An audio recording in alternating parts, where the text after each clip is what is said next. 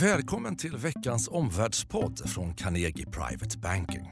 Torsdag den 2 november och ett nytt avsnitt av Omvärldspodden. Henrik von Sydow befinner sig just nu utomlands, men som vanligt har vi den alltid stabile Helena Haraldsson på plats. Jag heter Marcus Bommelin som normalt producerar den här podden. Men idag ska jag hjälpa till att reda ut vad som händer med de finansiella marknaderna. Dagens tre ämnen. 1. USAs börsbolag. Vilka trender ser vi i rapportfloden? Nummer 2. Guldlock i Europa. Varför gladdes börsen åt ECBs möte? 3. Dollarn stiger. Kan trenden fortsätta?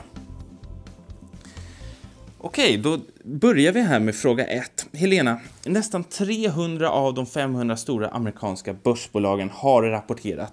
Hur ser vinsttrenden ut? Jo, det är faktiskt så att det är fler bolag än vanligt som har överraskat med starkare resultat. Och det här gäller då både bolagens försäljning, som är bättre än väntat, förväntat, men också att de visar bättre lönsamhet än förväntat. Och det är faktiskt till och med så att om vi tog bort orkaneffekterna så har vi till och med haft det tredje kvartalet i rad med tvåsiffrig vinsttillväxt. I alla fall vad estimat från internationella banker visar. Så mycket positivt. Men Eh, är det inte skillnad mellan olika industrier eller går alla bättre än förväntat? Nej, naturligtvis inte alla. Eh, de sektorer där vi har sett de starkaste överraskningarna i vinsterna, det är i teknologisektorn, det är i bankerna och det är i råvarubolagen. Där har vi imponerats mest. Teknologi det är ju fortfarande en tillväxtmarknad och i bankernas fall ja, då gynnas de av stigande räntor. Det ökar deras räntemarginaler och lönsamhet. Och när det gäller råvarubolagen så är det självklart så att stigande råvarupriser har varit positivt för dem.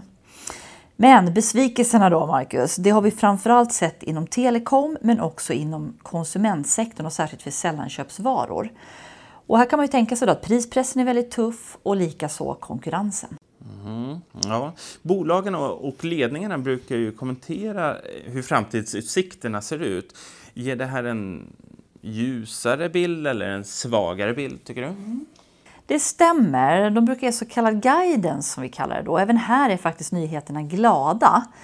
Eh, om man tittar på antalet bolag som ger en positiv guidance då, när de ser ljusare på framtiden så är faktiskt det de flesta antalet på sex år.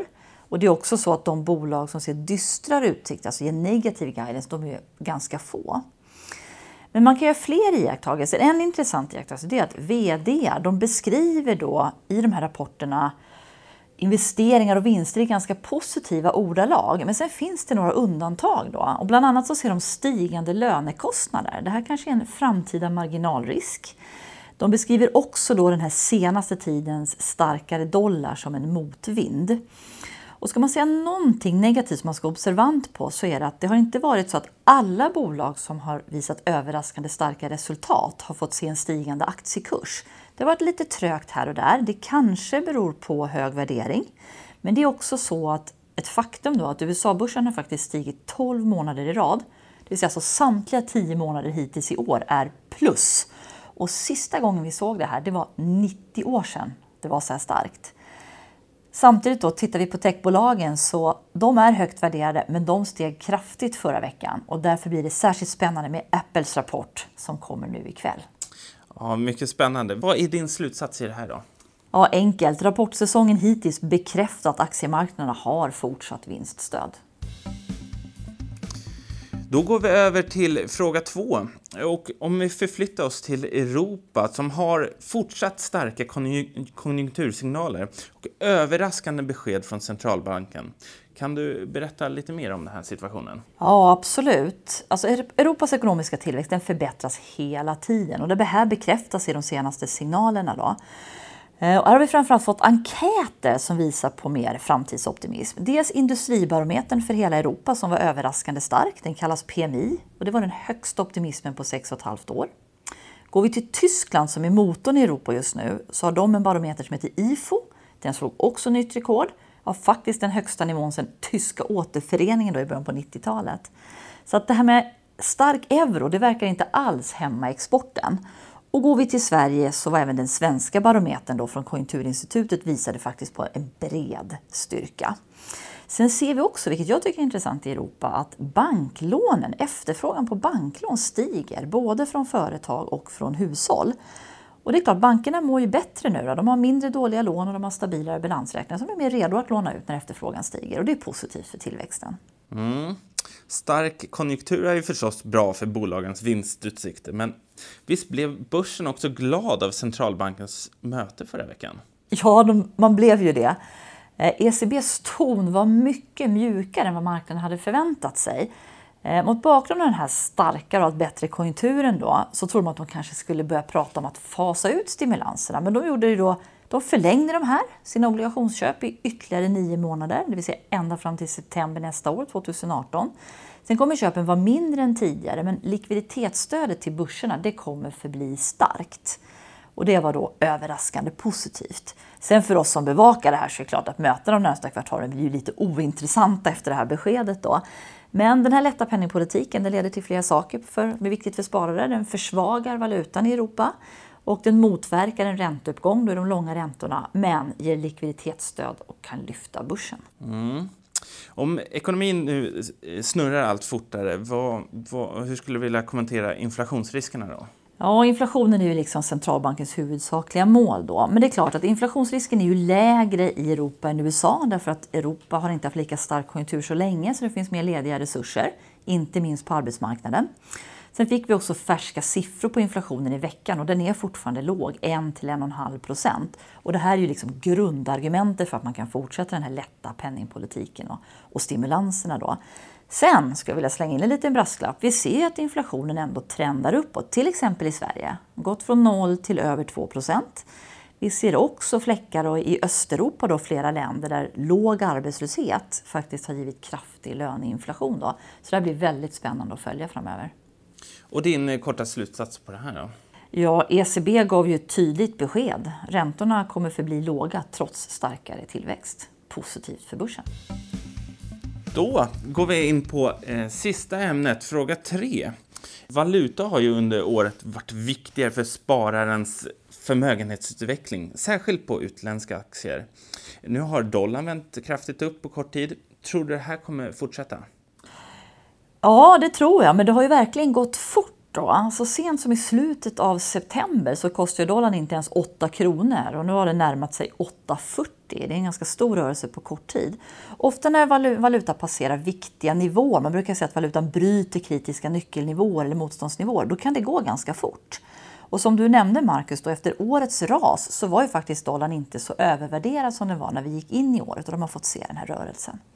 Okej, men varför stiger dollarn? Vad har förändrats? Den har ju rasat kraftigt under året. Ja, dollarn har varit väldigt politiskt styrd och det är den till viss del fortfarande. Men nu har vi sett att budgeten är klar i USA, båda kamrarna i kongressen har röstat. Så nu är det plötsligt fritt fram för att komma med förslag på skattereform. Och det här skulle kunna lyfta dollarn eftersom lägre skatter lyfter ekonomin. Eh, det här skulle också då visa, om de lyckas komma med förslag på skattesänkningar, att Trump och Republikanerna faktiskt kan enas och leverera lite av sina löften. Så också en förtroendefråga. Då. Men sen är det också så, utöver det här, då, att den tekniska bilden ger stöd, men kanske ännu mer intressant är att skillnaden i penningpolitik ser ut att öka mer än väntat. Här i Sverige sitter Ingves kvar. ECB fick vi veta är väldigt duvaktiga. Motsatt då, i USA så höjer Fed, men marknaden är väldigt lugn så här kan man bli överraskad åt andra hållet. Då. Eh, sen eh, kommer man ju utse en ny centralbankschef då, då, men det är knappast så att någon kan bli duvaktigare än nuvarande gällen. Sen tror jag om vi tittar på Sverige att det kan också vara så att den här bomarknadsoron som jag pratat om i tidigare poddar, om den skulle eskalera så kan det faktiskt pressa kronan något. Utöver då Ingves ultralätta penningpolitik. Och kronan har ju faktiskt sista tiden gått svagt även mot euron. Vet vi vem som blir ny centralbankschef på amerikanska centralbanken Fed? Och vad kan det betyda för dollarn? Ja, eh, vi vet det, men Trump ska ge det formella beskedet idag. Men det är säkra källor som säger att det blir Jerome Powell. Eh, han betraktas som en pragmatiker. Han har erfarenhet både från centralbanken, där han idag är governor, och även från näringslivet. Då. Marknaden förväntar sig ingen större förändring i penningpolitiken om det blir Powell. Och marknadsreaktionerna var väldigt små då det här är ganska förväntat. Men han anses vara ganska pro-tillväxt och kanske mer positiv till avregleringar än Yellen som är chef idag. Och det här kan ju då framförallt bli intressant för banker och den finansiella sektorn. Eh, skulle jag sammanfatta det här så är det att dollarn kan faktiskt stiga ytterligare på förhoppningar om skattereform i USA men också skillnader i centralbankernas penningpolitik. Tack Helena. Och eh, utifrån dagens samtal, vilka slutsatser tycker du att vi ska ta med oss? Ja, den första är ju bättre bolagsvinster i USA ger börsstöd.